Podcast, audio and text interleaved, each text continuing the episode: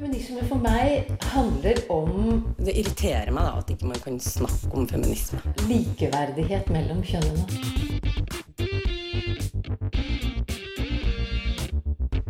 Det blikket på kvinnen på film. Det handlet det om å bli tatt på alvor som jente.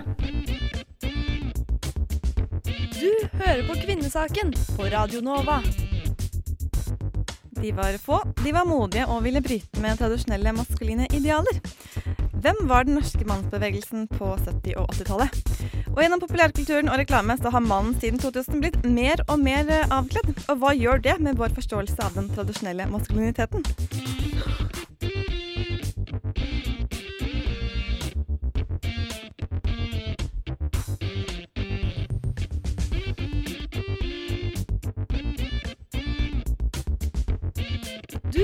På Kvinnesaken.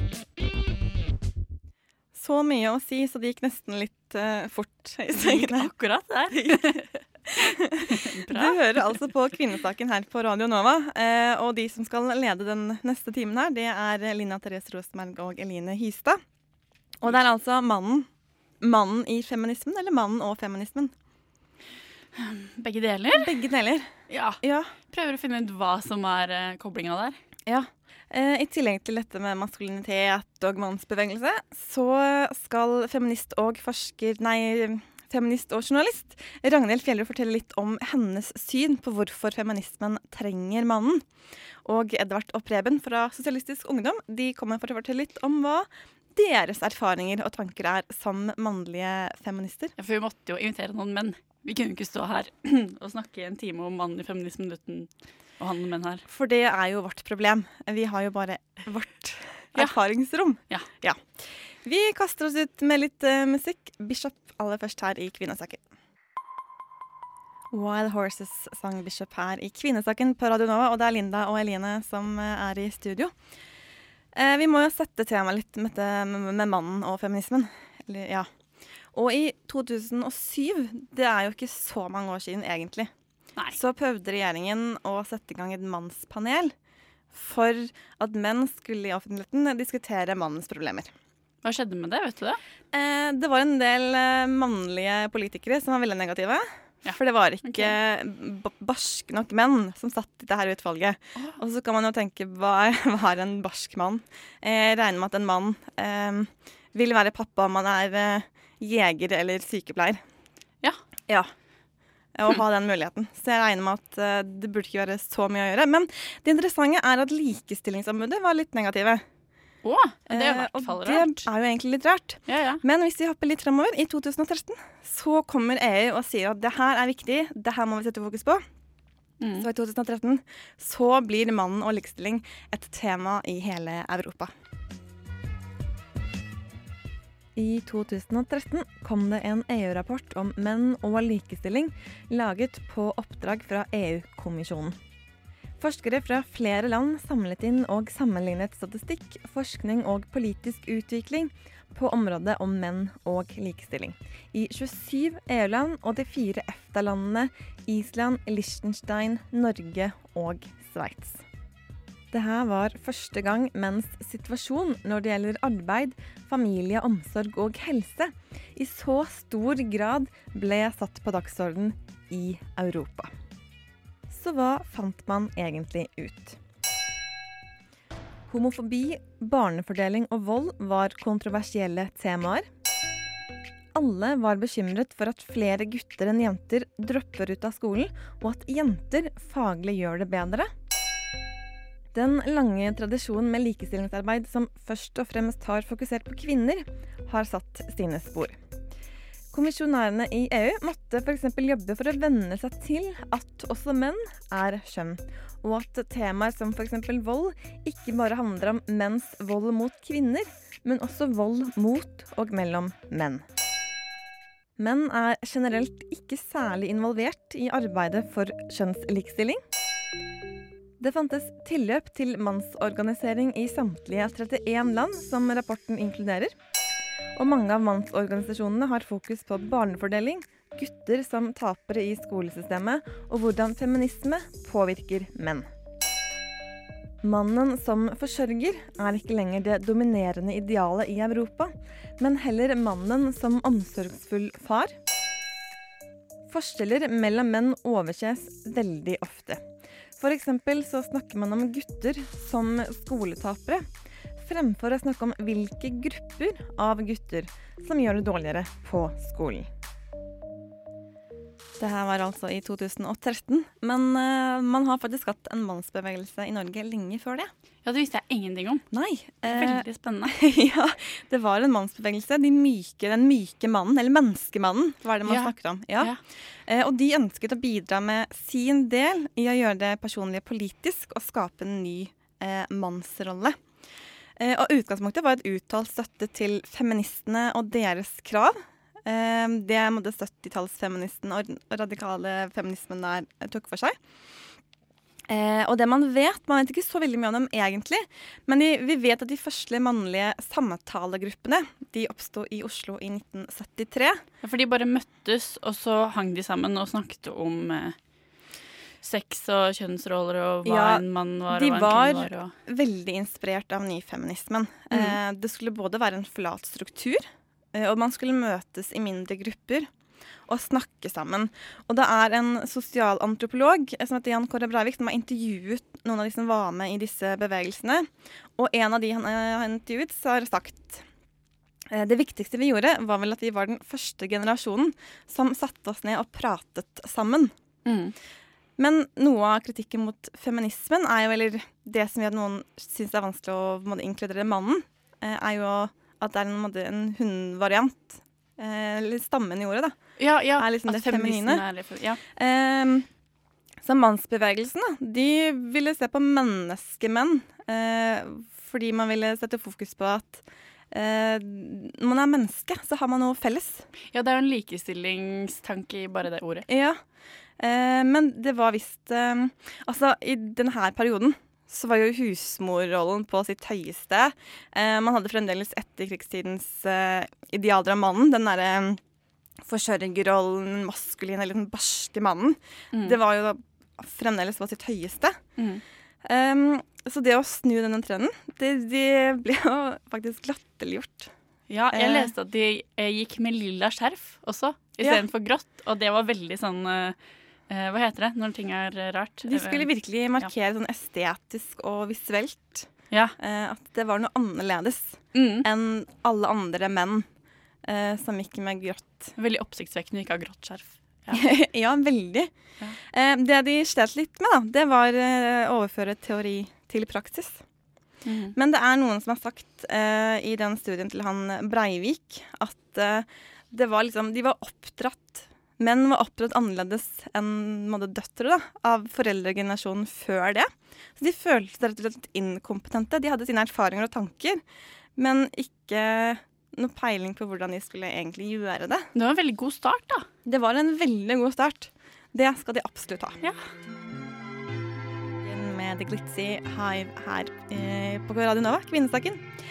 Før helgen så hadde vi et møte med Ragnhild Fjellro, journalist og feminist. Eh, Og hun skal nå fortelle litt om hennes eh, perspektiv og meninger og tanker om mannen og eh, feminismen. Ragnhild Fjellerud, du underviser i journalistikk ved Høgskolen her i Oslo og Akershus, og er feminist som har skrevet masse om feminisme. Eh, og litt sånn innledningsvis, eh, har man behov for feministiske menn? Ja, det har man absolutt behov for. Både feminismen trenger mennene, og mennene trenger feminismen.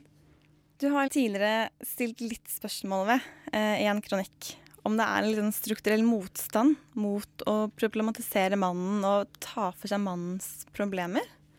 Tror du det er lettere å snakke om kvinnens problemer i et sånn feministisk historisk perspektiv? Eh, hvis du tenker på strukturelle problemer eh, som f.eks. selvmord eh, eller eh, krimstatistikk, eller er det sånne ting du tenker på med strukturelle problemer? Ja, eller bare det For når man begynner å problematisere mannen, så blir han kanskje litt mer sårbar. Den sårbare mannen, og ikke den sterke mannen. Ja. Ja. Ja, vi har et bilde av, eh, av mannen som jeg tror er eh, ganske gjengs uh, i mange deler av samfunnet i dag. Om at uh, mannen er, den, er fremdeles den som er på en måte litt sånn usårbar. Som alltid er villig, som alltid er hard, som alltid skal uh, kunne gå ut og handle. Eh, mens kvinnene har lenge fått lov til å også spille de rollene som handler om å være mer sårbar, som handler om å kunne si mer om hvordan man har det, hvordan man egentlig føler seg, det å lytte til sin egen kropp osv. Og, og det bygger jo på tradisjoner og kultur som, som vi lever eh, fremdeles med. Så eh, det er jo noe av det eh, som kanskje er grunnen til at menn syns det er vanskelig å snakke om seg selv som et problem, da. Eller snakke om kjønnet sitt som et problem. Enda all mulig statistikk så, på så mange områder viser at det er mye problemer knytta til det å være mann. Men for når jeg tenker eh, feminisme og den offentlige feministiske debatten, så er det veldig Det er jo kvinnen man, man snakker om. Kan det også ha litt sammenheng med at det er liksom kvinnen som først og fremst debatteres, og ikke mannen, når man snakker feminisme i, i det offentlige rommet? Eh, både og. Hvis du f.eks. tar eh, voldtektsstatistikken, eh, så er det på en måte Hva skal vi si det, er, det ligger litt i kortene at da er det ofrene vi skal snakke om, og det er kvinnene vi skal snakke om. Og det er virkelig på godt og vondt. At vi hele tiden har fokus på, på kvinnen og den som er voldtektsutsatt. Eh, nå skal det sies at eh, det er ikke bare kvinner som voldtas, eh, selv om det er absolutt de fleste voldtektene blir begått på, på, kvinner. Men det viser seg også at de fleste voldtektsforbryterne er menn. De er det ingen som snakker om. De er det ingen som intervjuer. Selvfølgelig så er det noe Hva skal jeg si noe motbydelig, på en måte, ved å liksom høre en voldtektsforbryters stemme eh, og historie. Samtidig som jeg tenker at vi må inn der. For hva har skjedd? Hva er det med mannen og eh, det å være mann som gjør at så mange, eh, relativt mange, begår voldtekter? Det syns jeg er interessant. Og det vet vi altfor lite om, syns jeg. Og det er ganske betegnende for hvor vi står. at med en gang man skal snakke om strukturelle problemer basert på kjønn, så snakker man om de som da er voldtektsutsatt, eller de som på en måte er ofre for en handling som ofte er eh, igangsatt av noe som er mannlig og maskulint. Der mener jeg f.eks. at feminism, eh, feminismen bør inkludere menn i mye, mye større grad, og se på at en sånn handling og en sånn atferd som et problem som vi bør snakke om. Du har tidligere også skrevet litt om dette med femi-prefikset i feminismeordet. Mm. Og det er jo tall fra Norstat viser at det er bare 4% av norske menn som omtaler seg selv som feminister. Og tegneselskaper Øystein Runde han har eh, for et år siden sagt at han identifiserer seg med feminismen. Men det å kalle seg selv feminist, det satt veldig langt inne. Hvorfor skal det være så vanskelig for menn? Eh, bare fordi at det, det er en femi som er de første bokstavene? Ja, det er veldig rart. Det er veldig rart. Eh, mer enn en forklaring så har jeg en sånn moralistisk pekefinger eh, når jeg skal svare på det spørsmålet. For det er to ting som er interessant her. Det ene er jo at eh, et ord som humanisme, f.eks., eller andre ord som har en sånn mannlig stamme, da, det har kvinner opp gjennom historien blitt så vant til å identifisere seg med. Så vi ser det ikke. Vi er liksom blitt blinde for at vi identifiserer oss med et ord som har en stamme som er maskulin. Mens når det blir da det motsatte, ett eneste lite ord, ett eneste lite ord, og det er feminisme, som har en, en, en feminin stamme, som betegner en teori og en politisk bevegelse og en aktivisme eh, som også handler om menn og det mannlige kjønnet.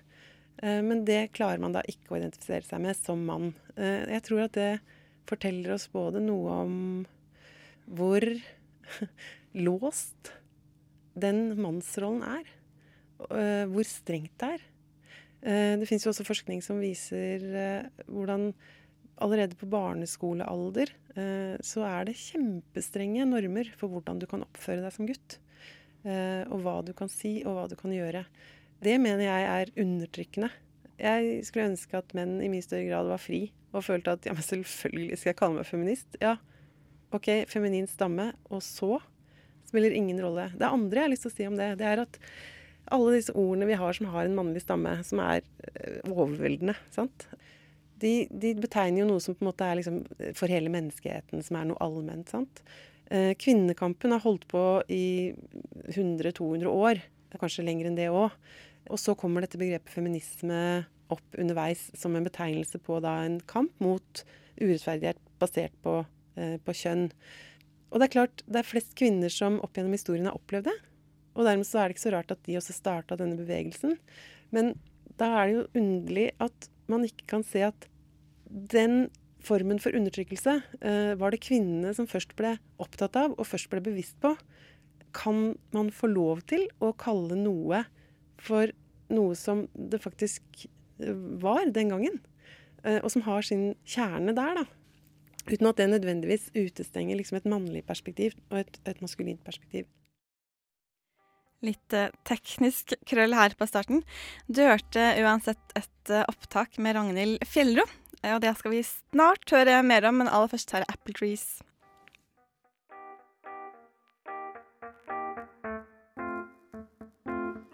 Folkestad med sangen Apple Trees. Vi snakker om mannen og feminismen her i Kvinnesaken, og vi skal høre litt mer om hva Ragnhild Fjellro mener om eh, det her temaet. I, eh, i 2007 eh, så lagde daværende regjering et panel med menn som skulle diskutere litt sånn mannens problemer. Blant annet fedrekvote, likeverdig foreldreskap og menns legeangst. Og det her fikk veldig mye kritikk. Både blant eldre mannlige politikere som mente at det her eh, var jo ikke noen barske menn som satt her, som skulle begynne å debattere sånne ting. Men også Likestillingsombudet ville ha bort dette her panelet. Eh, det vitner jo litt om at likestilling er bare reelt hvis det er kvinner som snakker om det, men hvis det er menn som gjør det, så er det, det er ikke likestilling, da er det mannekamp eller mannesak. Mm. Har vi kommet litt lenger eh, siden 2007? Ja, jeg tror vi har kommet lenger. Jeg tror det er blitt en større bevissthet eh, rundt at eh, menn eh, lider under sitt eget kjønn, og at det er en opptatthet av det. Eh, og dette er strukturelle forskjeller som, som ligger der, og som, som har en forklaringsmodell i kjønn. da. Helt sikkert også andre forklaringsmodeller, men også kjønn. Og det tror jeg man blir mer og mer bevisst på, samtidig som jeg kjenner jo det de gangene jeg har skrevet om mannsrollen så er det en sånn seig motstand. Eh, Og det er en sånn ofte en reaksjon som er litt sånn åh, slapp av du, da. Tendens til bagatellisering og, og at det ikke liksom er verdt å bry seg så mye med. Og det syns jeg jo er underlig. Så her har vi en jobb å gjøre. Jeg tenker jo at Når Harald Eia kommer med alle disse erfaringene sine, nå skal han liksom snakke rett fra levra og være skikkelig ærlig og bare si det akkurat sånn som det er, og så kommer han ut med alle de her sånn fordomsfulle betraktningene sine, som skaper reaksjoner. Og da er det egentlig to ting han gjør. Det ene er jo at han skaper de her reaksjonene, som egentlig er litt sånn bakstreverske og litt sånn at du får opp en del grums. Og det andre han gjør, er jo å vise noe som vi ellers ikke har adgang til, fordi vi ikke helt våger å si hvordan vi opplever det. Fordi enten det er, det er politisk ukorrekt, eller nei, noen kommer sikkert til å steile og bli irritert på meg, eller Så da tør vi ikke å si det. Og det syns jeg at Harald Eia skal ha litt honnør for, da. At han liksom våger seg utpå og ja, egentlig blottlegger seg litt. Og blottlegger sine svake sider. Eh, svake sider som vi alle har, på ulike måter. sant? Så det syns jeg er fint. Jeg opplever da, eh, som ikke har levd eh, all verdens tid, eh, at man i det siste har vært veldig sånn fokusert på å opplyse folk om hva feminisme egentlig er. Er du enig at det har vært en trend de siste årene? Um, jeg er enig i at det har vært en trend i veldig, veldig veldig mange år. Uh, allerede da jeg eh, studerte litteraturvitenskap uh, på 90-tallet og leste feministisk teori, så husker jeg at det irriterte meg litt. Uh, og det kan man godt si var litt umodent av meg som student. Eh, men jeg irriterte meg litt over at man hele tiden skulle problematisere dette begrepet feminisme.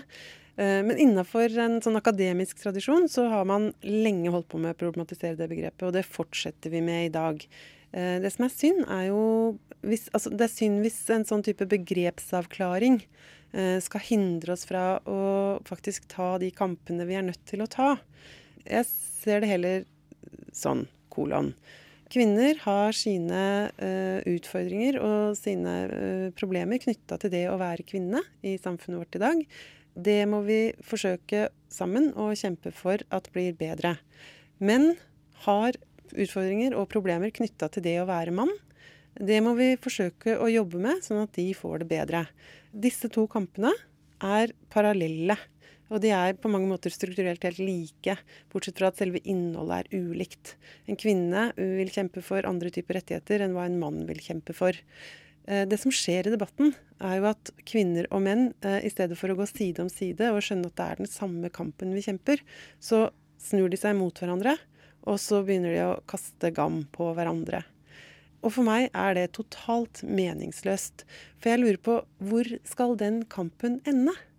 Jeg forstår ikke helt hvor man vil med en sånn type kamp som handler om å kjempe kvinner mot menn. Så det hadde vært utrolig digg hvis uh, folk slutta med den uh, idiotien der, og skjønte at vi kjemper samme kamp. Takk uh, for det, Ragnhild Fjellerud. Bare hyggelig. Kvinnesaken på Radio Nova.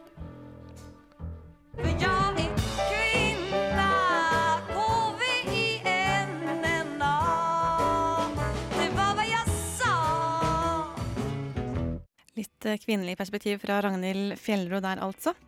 Ganske snart så kommer det to stykker fra SU som skal fortelle litt om deres perspektiver, og hva dere som menn mener om mannen og feminismen. Her er Babe Rainbow og Alvera. Babe Rainbow her i Kvinnesaken, som nå har fått besøk fra Edvard Bjørnson og Preben Kise fra SU. Eh, og nå har vi hørt liksom hva en sånn godt voksen eh, damefeminist mener. Um, men eh, hva med dere? Hvorfor er dere feminister?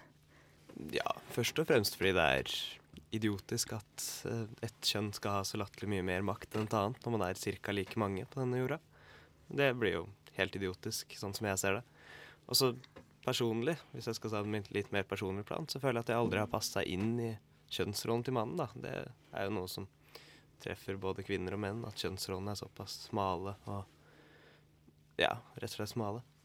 Har du lyst til å utdype det enda litt mer? Dette med roller og tradisjonelle mønstre som man vil bryte litt ut av? Mm, ja, det jeg føler i hvert fall jeg personlig aldri vært den store, brautende, sterke mannen som skal ta ansvar for alle og gå inn og stor, ta masse plass i debatter og alt mulig sånne ting. Det har aldri funka for meg. Og det, det har jeg liksom ikke vært som resten, da, hvis man skal si det sånn. Eh, hvis man Sånn som de som har passa inn i denne kjønnsrollen, da, og som samfunnet har sagt at jeg skal være. Det er jo veldig ofte man hører, både fra kvinner og menn, at de er veldig enig i det feministiske prosjektet. Men de vil liksom ikke ta på seg den merkelappen selv. Eh, men det har ikke dere noe problem med? Å være liksom uttalte feminister? Nei, det vil vi nok ikke si. Uh, for det første så mener vi jo at det finnes et patriarkat, og at uh, det er reelle maktforskjeller mellom kjønn uh, i samfunnet. Og med den anerkjennelsen så mener jeg man er feminist. Og var, man var litt inne på det i det opptaket som ble spilt, at det er en begreps begrepsavklaring der hvor mange sier at de på en måte er for likestilling, men de vil ikke kalle seg feminister. og om det, Men om det egentlig er det samme prosjektet eller ikke, varierer så ofte uh, fra person til person, har jeg opplevd. At man må være litt forsiktig med å skulle inkludere alle. Uh, bare fordi man tror man skaper likestilling jo flere man er. Så hvis man ikke er enig om utgangspunktet eller analysen, da, så kan det bli litt vanskelig. Men opplever dere at feminismen er flinke til å ta dere som menn inn? Jeg har utelukkende positive opplevelser med feminister som Eller opplever, har opplevd veldig mange inkluderende feminister og kjenner meg ikke igjen i sånne fiendebilder som gjerne blir skapt av at kvinnebevegelsen ikke, ikke er noe glad i menn eller den slags. Eh, men samtidig så må man jo som mann også passe litt på at man ikke mener at ethvert problem kvinner står overfor, også gjelder menn i like stor grad. Da, da tror jeg man har misforstått noe. Uh, Feminismen er jo et veldig sånn politisk og teoretisk prosjekt. Eh, og dere er jo politisk aktive begge to. Er det med på å gjøre det lettere, kanskje? Eh, og hva må det jobbe for mer likestilling, når man allerede i utgangspunktet er engasjert i politikk? Tror dere det? Ja, det er nok i hvert fall lettere når man er medlem av et feministisk parti, eh, som vi er. Så da gjør det at det går enda lettere å faktisk jobbe for feminismen, og man, får, man faktisk analyserer de strukturforskjellene som er, da. Og blir faktisk klar over Som ikke nødvendigvis alle i Norge er klar over. Eh, og da blir det jo mye mer naturlig da, å faktisk jobbe mot det vi mener er veldig urettferdig.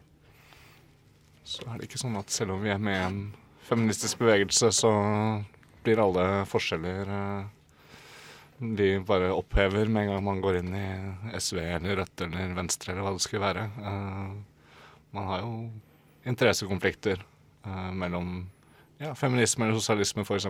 I Sosialistisk Ungdom, gjerne. Hvor ofte er menn som pusher litt hardere på at nå skal vi snakke om økonomi og revolusjon. Preben og Edvard, dere skal være med litt videre, men aller først så skal vi høre The Big Moon. Nothing Without You her i Kvinnesaken av The Big Moon.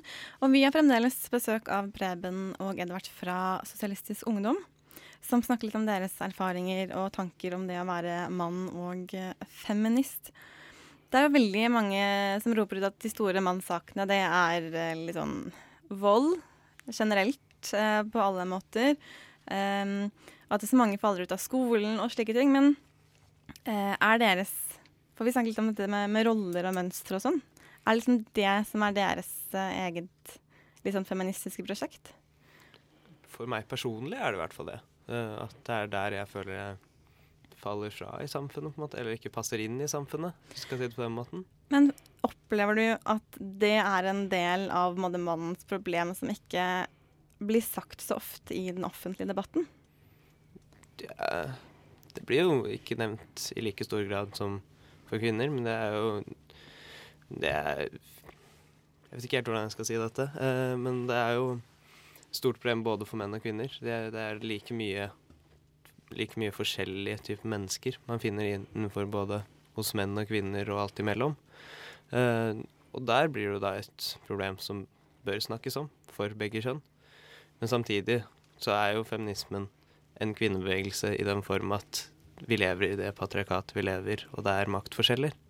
Så, så sånn sett så er det jo først og fremst en kvinnebevegelse fremdeles.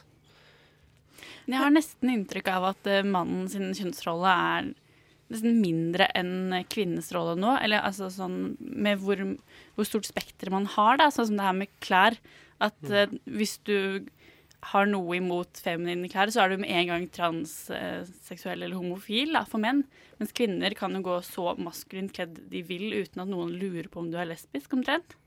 Det blir kanskje å si det litt for enkelt. Det, å bli skjelt ut og kalt lesbe og alt mulig sånne ting i barne- og ungdomsskolen er det et stort problem, det òg. Men da ligger man igjen på at man ofte finner litt mer dette derre type Vi snakker bak, bak hverandres rygg i jentegjenger, hvis man skal si det, eh, på ungdom- og barneskoler og videregående. Og at det ikke er like tydelig som når små gutter skriker homo over hele eh, skolegården. Men mm. jeg tror da det er et stort problem for kvinner òg. Og i hvert fall i starten når man går med maskuline klær som yngre. Og som eldre. Litt sånn på det med roller og sånt igjen. Uh, så husker jeg at når jeg ble introdusert for feministisk teori, så var det en veldig sånn aha-opplevelse for meg. Uh, jeg tror både jeg og Preben kommer fra en sånn guttekultur med fotballag og den slags. Uh, og da, da, har man en sånn mannskultur som bygger veldig opp under den rollen, ofte.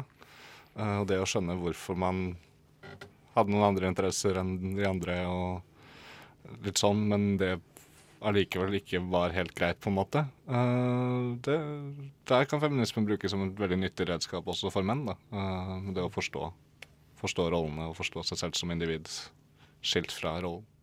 Jeg opplever ofte at det er mange flere kvinner, eh, kanskje av natur, som er veldig på i det offentlige rommet og snakker om likestilling. Både på kvinnens vegne og på mannens vegne. Syns dere det er litt sånn få menn som tar den offentlige debatten på mannens vegne, eller fra mannens ståsted? Jeg skulle gjerne hatt flere menn som eh, også kjempa for å fjerne de trange kjønnsrollene til menn og kvinner, og kjempa for å faktisk bryte ned disse maktstrukturene vi har i samfunnet. Eh, det ville jo gjort det lettere i seg selv å bryte ned maktstrukturene. Jo flere man har som sitter med makta, som innser at dette er faktisk et problem, og f.eks. gi plass til kvinner i den offentlige debatten og i styrer i diverse selskaper og alt mulig sånne ting. Men så er det bare syv år siden at uh, når mannen skulle snakke likestilling, så var det mannekamp og ikke likestilling. Tror du at noen menn føler litt på at det er sånn fremdeles? Og når de roper om det her vil vi at skal endre mannen, så blir man ikke tatt helt alvorlig? Det er nok definitivt en opplevelse mange sitter med.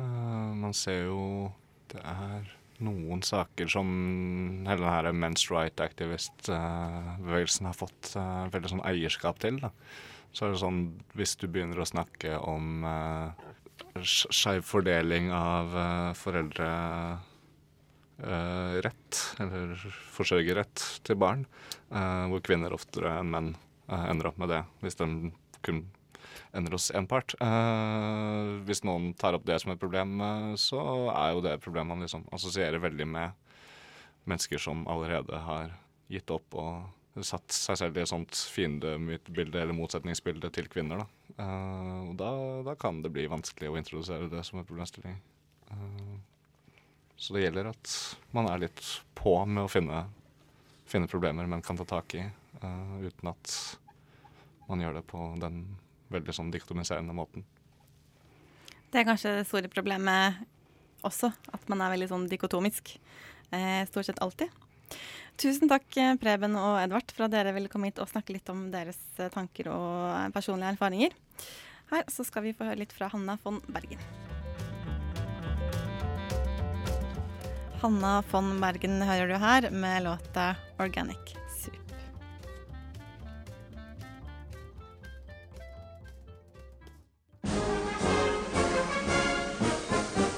Tenk på da vi gikk i demonstrasjonstog, og Ingrid på seks år gikk med plakat hvor det sto 'Jeg vil bli statsminister'. Og alle mennesker lo langs ruta for at en jente skulle kunne bli statsminister. Du hører på Kvinnesaken på Radio Nova. Og det er Elina Linna som prater her. Mm. Vi snakker om mann og feminisme. Ja. Eh, og jeg har funnet ut at eh, det er ganske mange det her med begreper, da, å redefinere begreper og hele tiden komme opp med nye, det er jo en greie sånn som Ragnhild Fjellro snakket om også. Eh, og det gjelder også mannen og feminismen. Så det har ofte dukket opp mange sånne fenomener som prøver å finne opp en egen eh, mannsbevegelse, et eget ord, da, som mannen føler seg mer hjemme i. Og et av de som er mest, kanskje mest useriøse, da, det er det manism-begrepet. Som har gått som en litt sånn farsott på BuzzFeed og Twitter. Eh, og ifølge BBC så ble det brukt for første gang 16. desember. Eh, og det er sånn, det er sånn semisatirisk, liksom.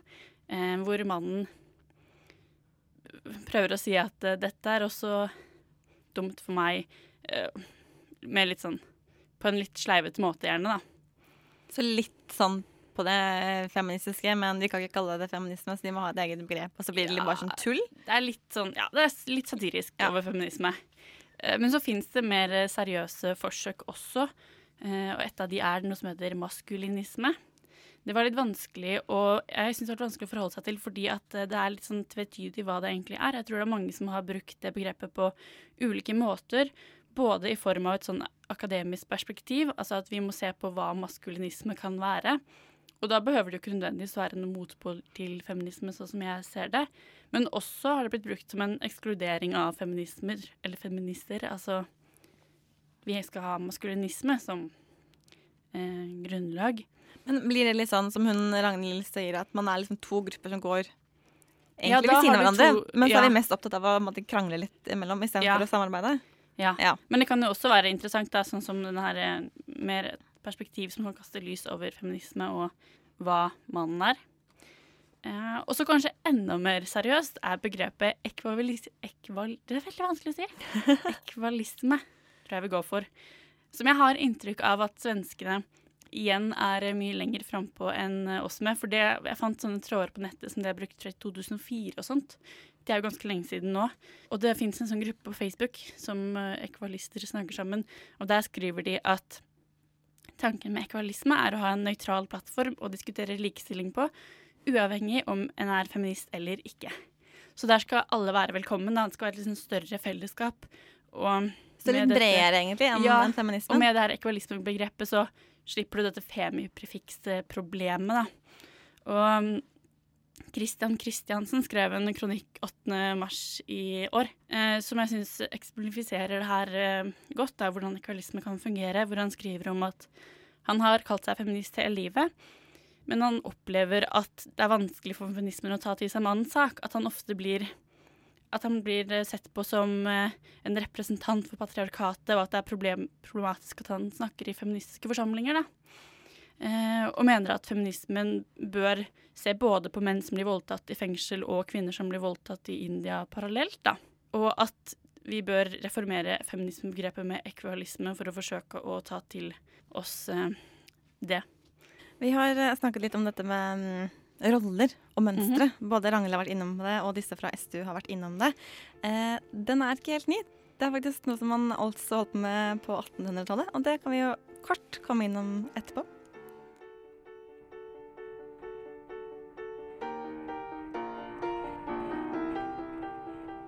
Val Verde og Outdoors hørte du her i Kvinnesaken på Radio Nova. I 19, eller på 90-tallet så fikk man et grep om metroseksualisme, eller noe sånt. Ehm, som egentlig bare betegner det at mannen ble litt mer feminin i populærkulturen og i reklame.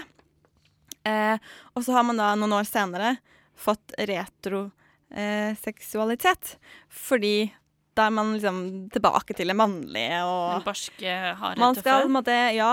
Og det er særlig en uh, amerikansk forsker som påpeker at uh, amerikanske menn de må liksom påpeke veldig eksplisitt at de skal være ekte menn.